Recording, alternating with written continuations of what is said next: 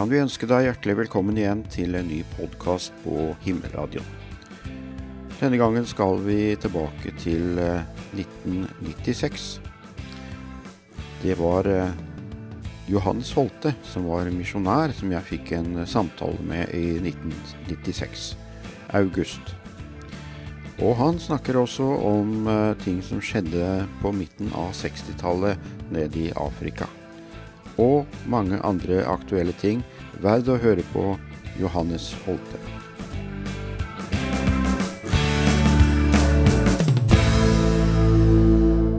Radio Grenland har besøkt misjonær Johannes Holte. Og uh, vi sitter nå uh, på verandaen til Holte og kikker utover utsikt over Gjerpesdalen. Det er flott utsikt du har her, Holte. Ja, det er jo Utsikten her er jo aldeles strålende med Børsesjø foran deg, Vealøstårnet opp der, Blåfjell, Skrehelde og utover mot Ballestad og Jarseng. Så den er helt kjempeflott. Har du sittet her mange ganger og tenkt på Afrika? Ja, det gjør jeg også. Men eh, jeg har vært så meget opptatt i det siste, så jeg har ikke tid til det. Jeg har hatt mye manuelt arbeid med huset mitt. Ja, Hvor gammel har du blitt nå, Holte? Uh, lever jeg til 24.11.96, uh, så er jeg 89 år. Og helsa di, hvordan er det med det? Helsa er strålende. Jeg har vært på legesenteret. Det er ikke noe feil med meg. Hemoglobin 86 og senkning og alle ting er helt kjempeflott. Har du hatt en fin sommer?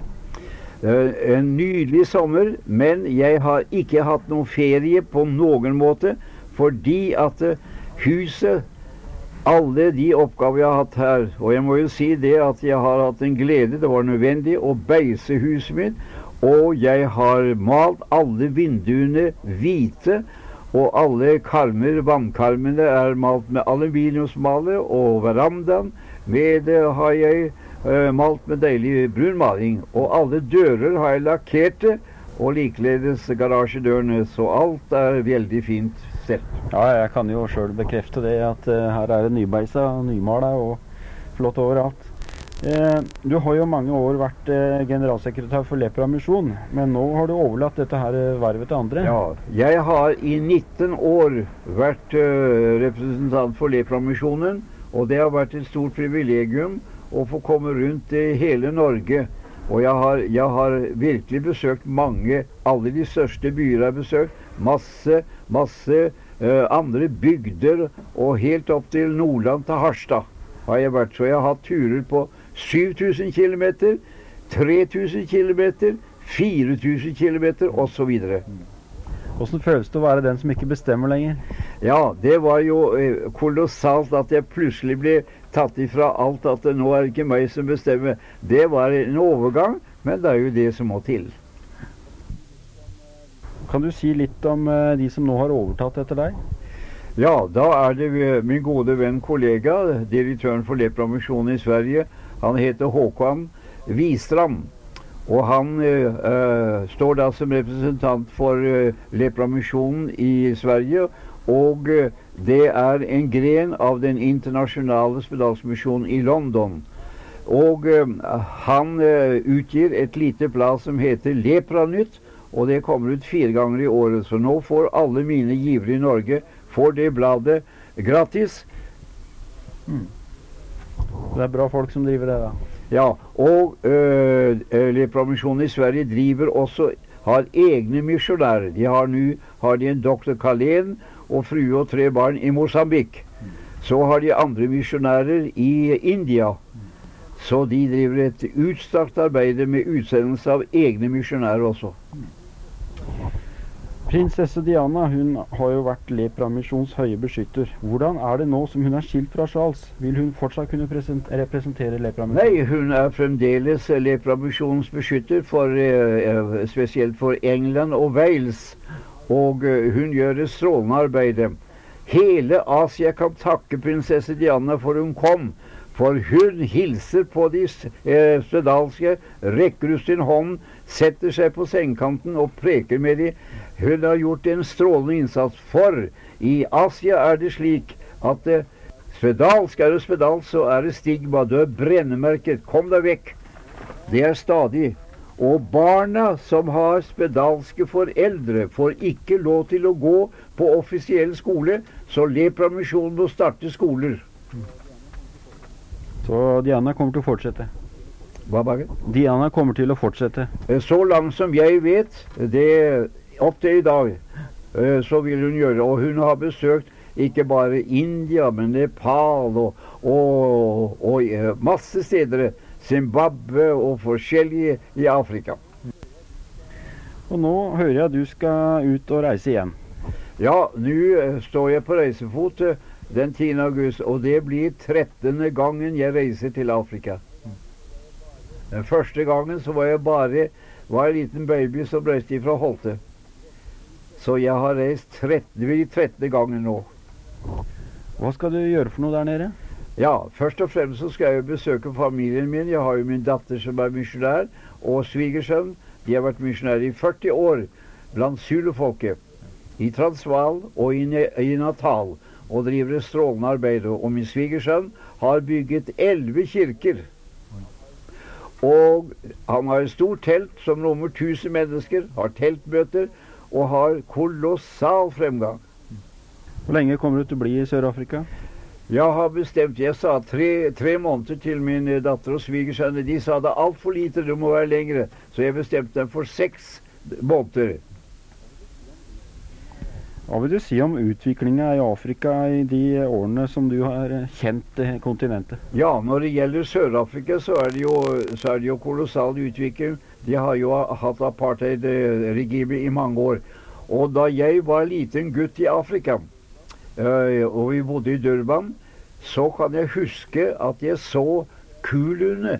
Kuli det er det nedre, det er en laverestående rase i i India. Og de eh, ble importert av den eh, sørafrikanske regjering for å arbeide på sukkerplantasjene, for det var så mye billigere enn de brukte de svarte, som, hadde, som de hadde tusenvis av. Og jeg så de var så sultne at de gikk på søppelhaugene, akkurat som i Manila på Søppelfjellet, og søkte å få noe mat. Og jeg sa til meg selv det er helt grusomt å behandle mennesker sånn. Det så jeg som en liten gutt på fem år, og jeg har aldri glemt det. Aldri glemt det. Så har det utviklet seg eh, slik at apartheid-politikken den kunne ikke den, den forferdelige skillet mellom svarte og hvite. Skolegang. De hvite hadde uniformer og sykler, og noen hadde biler og kom. De svarte hadde nesten ikke klær på kroppen, og deres skoler var så det var så nedrig og dårlig elendig, så det var ikke noe rart at de svarte en gang reiser seg og de sier 'That's enough', det er nok. Og derfor ble det opphevet apartheidpolitikken, og i dag kan du ikke nevne apartheid. Det finnes ikke der ute. Hva syns du om Nelson Mandela som, eh, som leder av landet? Han gjør strålende arbeid. Det gjør han. Han satt jo 27 år i fengselet der nede på, på den Iceland der, ja. Og eh, Så han gjør et strålende arbeid. Respektert mann over hele verden. Men beklagelig, misjonærene forteller, han har innført legalisert abort og homofile, sex, eh, homoseksuelle. Og det er sørgelig. Eh, den religiøse utviklinga i Afrika som kontinent generelt, hva vil du si om den? Ja, nå er jo Afrika det kontinent hvor det nesten frelses flest folk i verden. Det fremses jo på tusen på tusenvis. Det er en fenomenal fremgang. Eh, Det er det. Eh, Så både i den sorte sektoren og også blant de hvite. Vi har jo f.eks. en menighet som heter Rema, med Raima Koli som pastor. Og han har jo 20 000 medlemmer. Tre møter på søndager, 8000 på hvert møte. Og jeg har vært på de. Og min, eh, fruen til min eh, dattersønn Leif, doktor Leif, hun er gospelsangerinne fra, fra Amerika. Eh, Katie Pennington. Hun har sunget der. Og mitt lille oldebarn på fire år, han sang et kor. Trust and obey. There is no other way to be happy in Jesus. Trust and obey. 8000 mennesker klappet når de hørte den lille gutten synge. Hamrens sanger. Johannes Holte, du har jo vært misjonær i Kongo i mange år. og Det var ikke bare fredelige tilstander der, der nede? Nei, det var det ikke. Og uh, når krigen raste Jeg har jo vært med uh, i Norge i den første verdenskrigen fra 14 til 18. Og det var jo en hård tid, den hårdeste i vårt liv, for det var dager vi ikke hadde mat på bordet i dusin. Tre barn og mamma ikke. Men Gud hjalp oss igjennom, så førte oss igjennom den tiden. Så øh, reiste vi ut til Kongo, og det var fred hele tiden. Og vi hadde ingen vanskeligheter fra 1935 helt opp til 1964. Men da, da snudde bladet. Og jeg sa til meg selv det blir aldri krig her i midt i hjertet av Afrika. Det blir krig i Palestina, Jerusalem og i Europa og andre steder. Men sannelig, vi kom rett opp i det. Og du, og du for forandring det ble i Bili. Og når rebellene kom, opprørerne, eh, opprørerne kom fra Stanleyville i stjålne biler, flotteste ambassadebiler og motorsykler, durret inn og svære massemøter i Bili. Og jeg og de hvite som var der, vi ble alle arrestert og sto med palmegrener i hånden og hørte på Josafat, som var lederen, talte. Han talte i to timer, og de sa de skulle ikke røre de hvite, for det var deres gjester. Men det begynte allerede der. Åtte stykker ble henrettet. Den første hodet ble kuttet av med et gammelt, svært spyd. Den neste kjørte en annens veldig spett inn i hodet, og de andre ble skutt i ryggen av små simbar, så de store måtte ta over. Alle sammen de lå der døde ved Molomomba-flagget en hel uke. Ingen måtte gråte over det. Ingen måtte si 'Å, så forferdelig'. For da ble de skutt. Så det var den første første eh, følelsen av krigen med dette her på et stort massemøte med 2000 mennesker. Ja. Så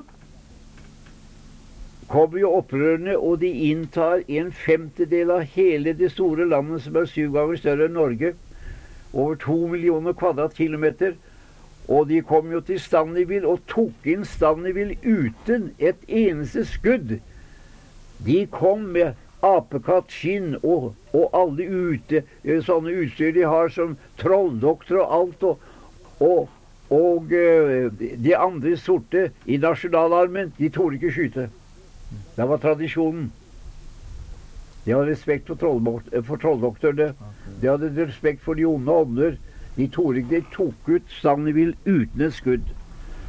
Og så begynte massakren over hele, hele Kongo. Og president Bedje, han sa det Tiden kom at uh, dr. Karlsen på nabomisjonen vår, han var kalt som spion, og han skulle hentes til til, til Stanleyville og henrettes. Amerikansk. Og han ble hentet og arrestert og kom til Stanleyville og endte sitt liv i liv der. En Simba skjøt ham. Overalt så var det Eh, så var det eh, drap av katolske misjonærer og protestantiske. En lege fra nabomisjonen som het Ion Sharp, som hadde vært eh, legen til det engelske kongeparet på Bermuda. Han var nå misjonær. Han ble arrestert, og kona og to barn, og de gikk 200 km på beina for å komme til Banalia. Og når de kom dit, så var de inn og operere og, og gjøre godt på sykehuset og hjelpe. Og så kom opprørerne, og alle sammen, de ble skutt og hugget ned og kastet til krokodillene i Banalia. Og der står et minnesmerke. Og jeg har vært der og bøyd mine kre til respekt og ære for det. Så går vi videre til en av de største historiene i opprørstiden når det gjelder drap og, og mishandling og tortur av misjonærer.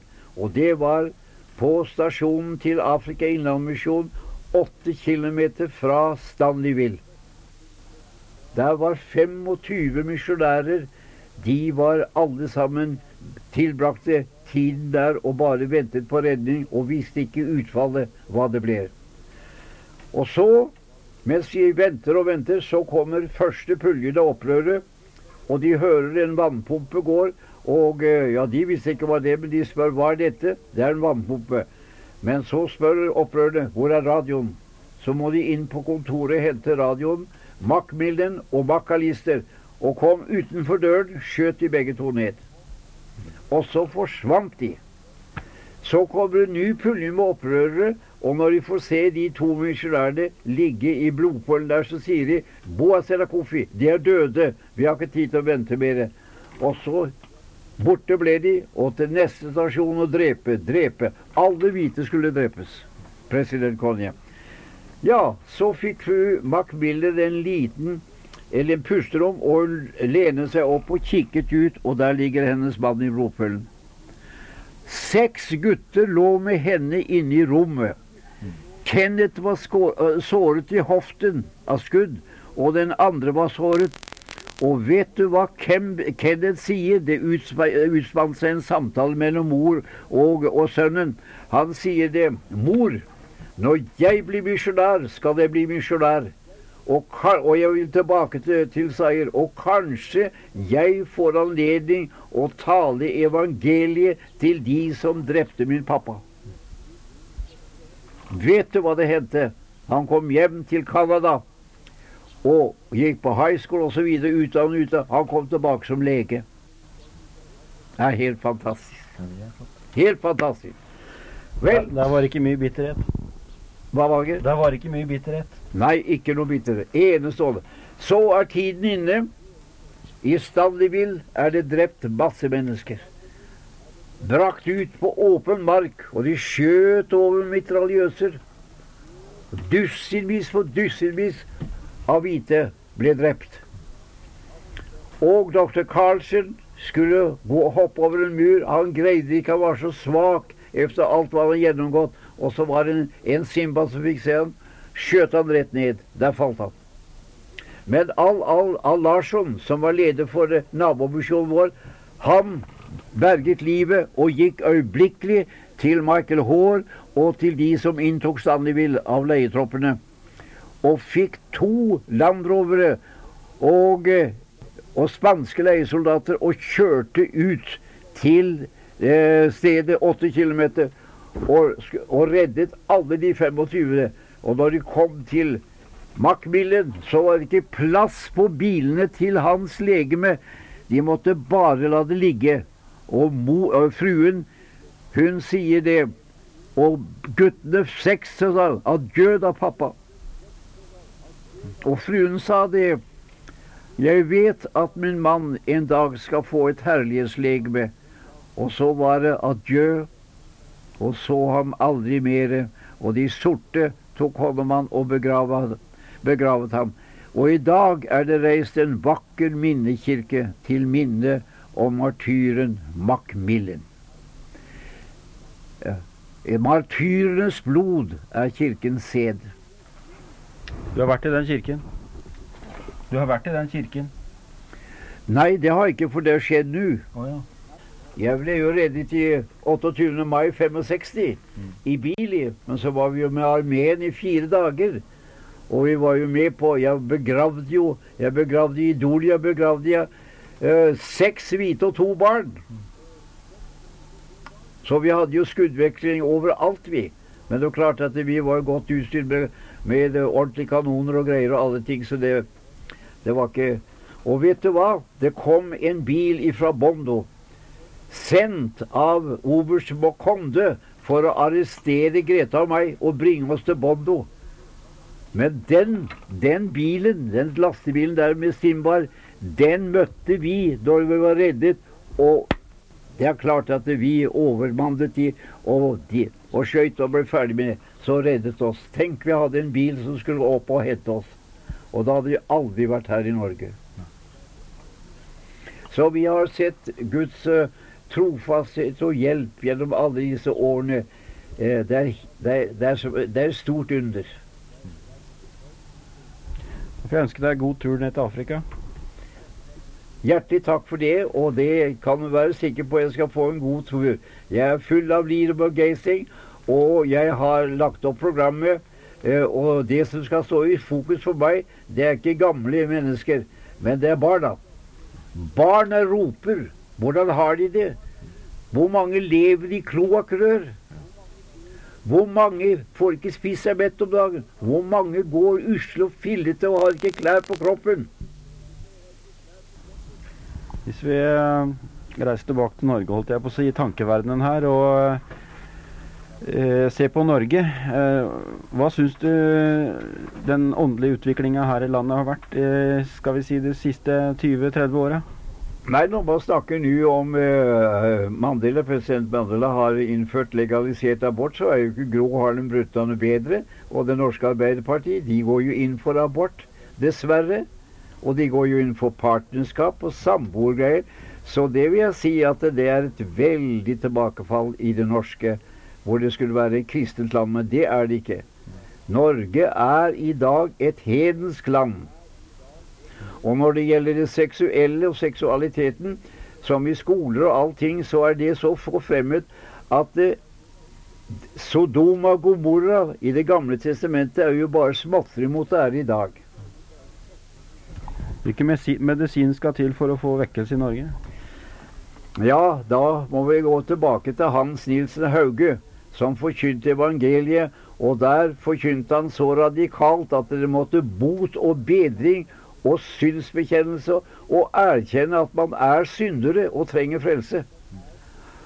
Ikke noe annet. Og så er en annen ting det at de kristne må slutte med å drive avgudsdyrkelse. Materialisme. Og likeledes alle disse forferdelige foreningene de har. Frimurere, tempelriddere, og alt dette. Det er hedenske ritualer, og det er hedenske eh, tilknytninger. De har ikke noe med evangeliet å gjøre. Men de vil selv. De vil selv Vi leser Bibelen og det, men det holder ikke. Hele deres systemet der, det er forkastelig. Har eh, Herren vært god mot deg, Holte? Gud har vært veldig god mot meg. Her sitter jeg i mitt hus. Jeg kaller det Villa Bili. Hvorfor Bili? Fordi at i Bili var det vi blitt reddet fra døden. Vi hadde bøyet våre kne og skulle halshugges. Tenk på det. Men Guds ord, som Greta fikk når jeg var ført til eh, hovedkvarteret og ble arrestert, og hun så ikke hva det skjedde meg, bakbundet på hender og føtter og, og torturert. Og da hørte hun et skudd, og da sa hun 'Nå har de skutt min mann'.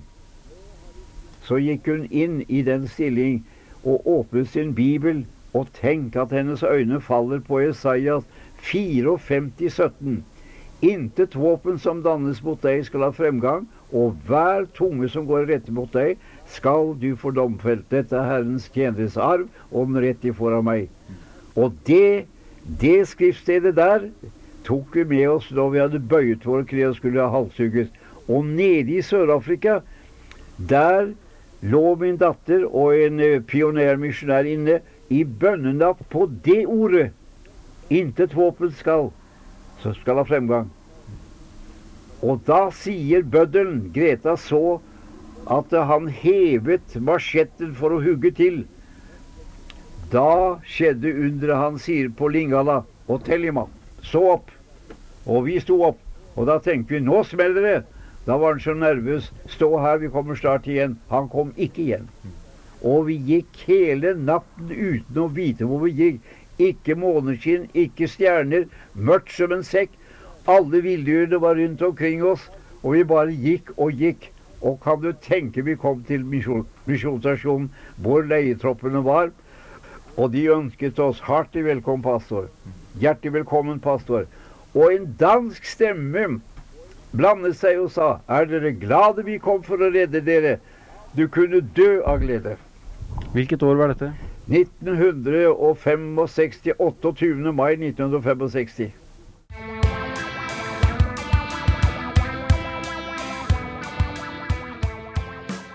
Da var vi i land med en uh, ny podkast fra Himmelradioen.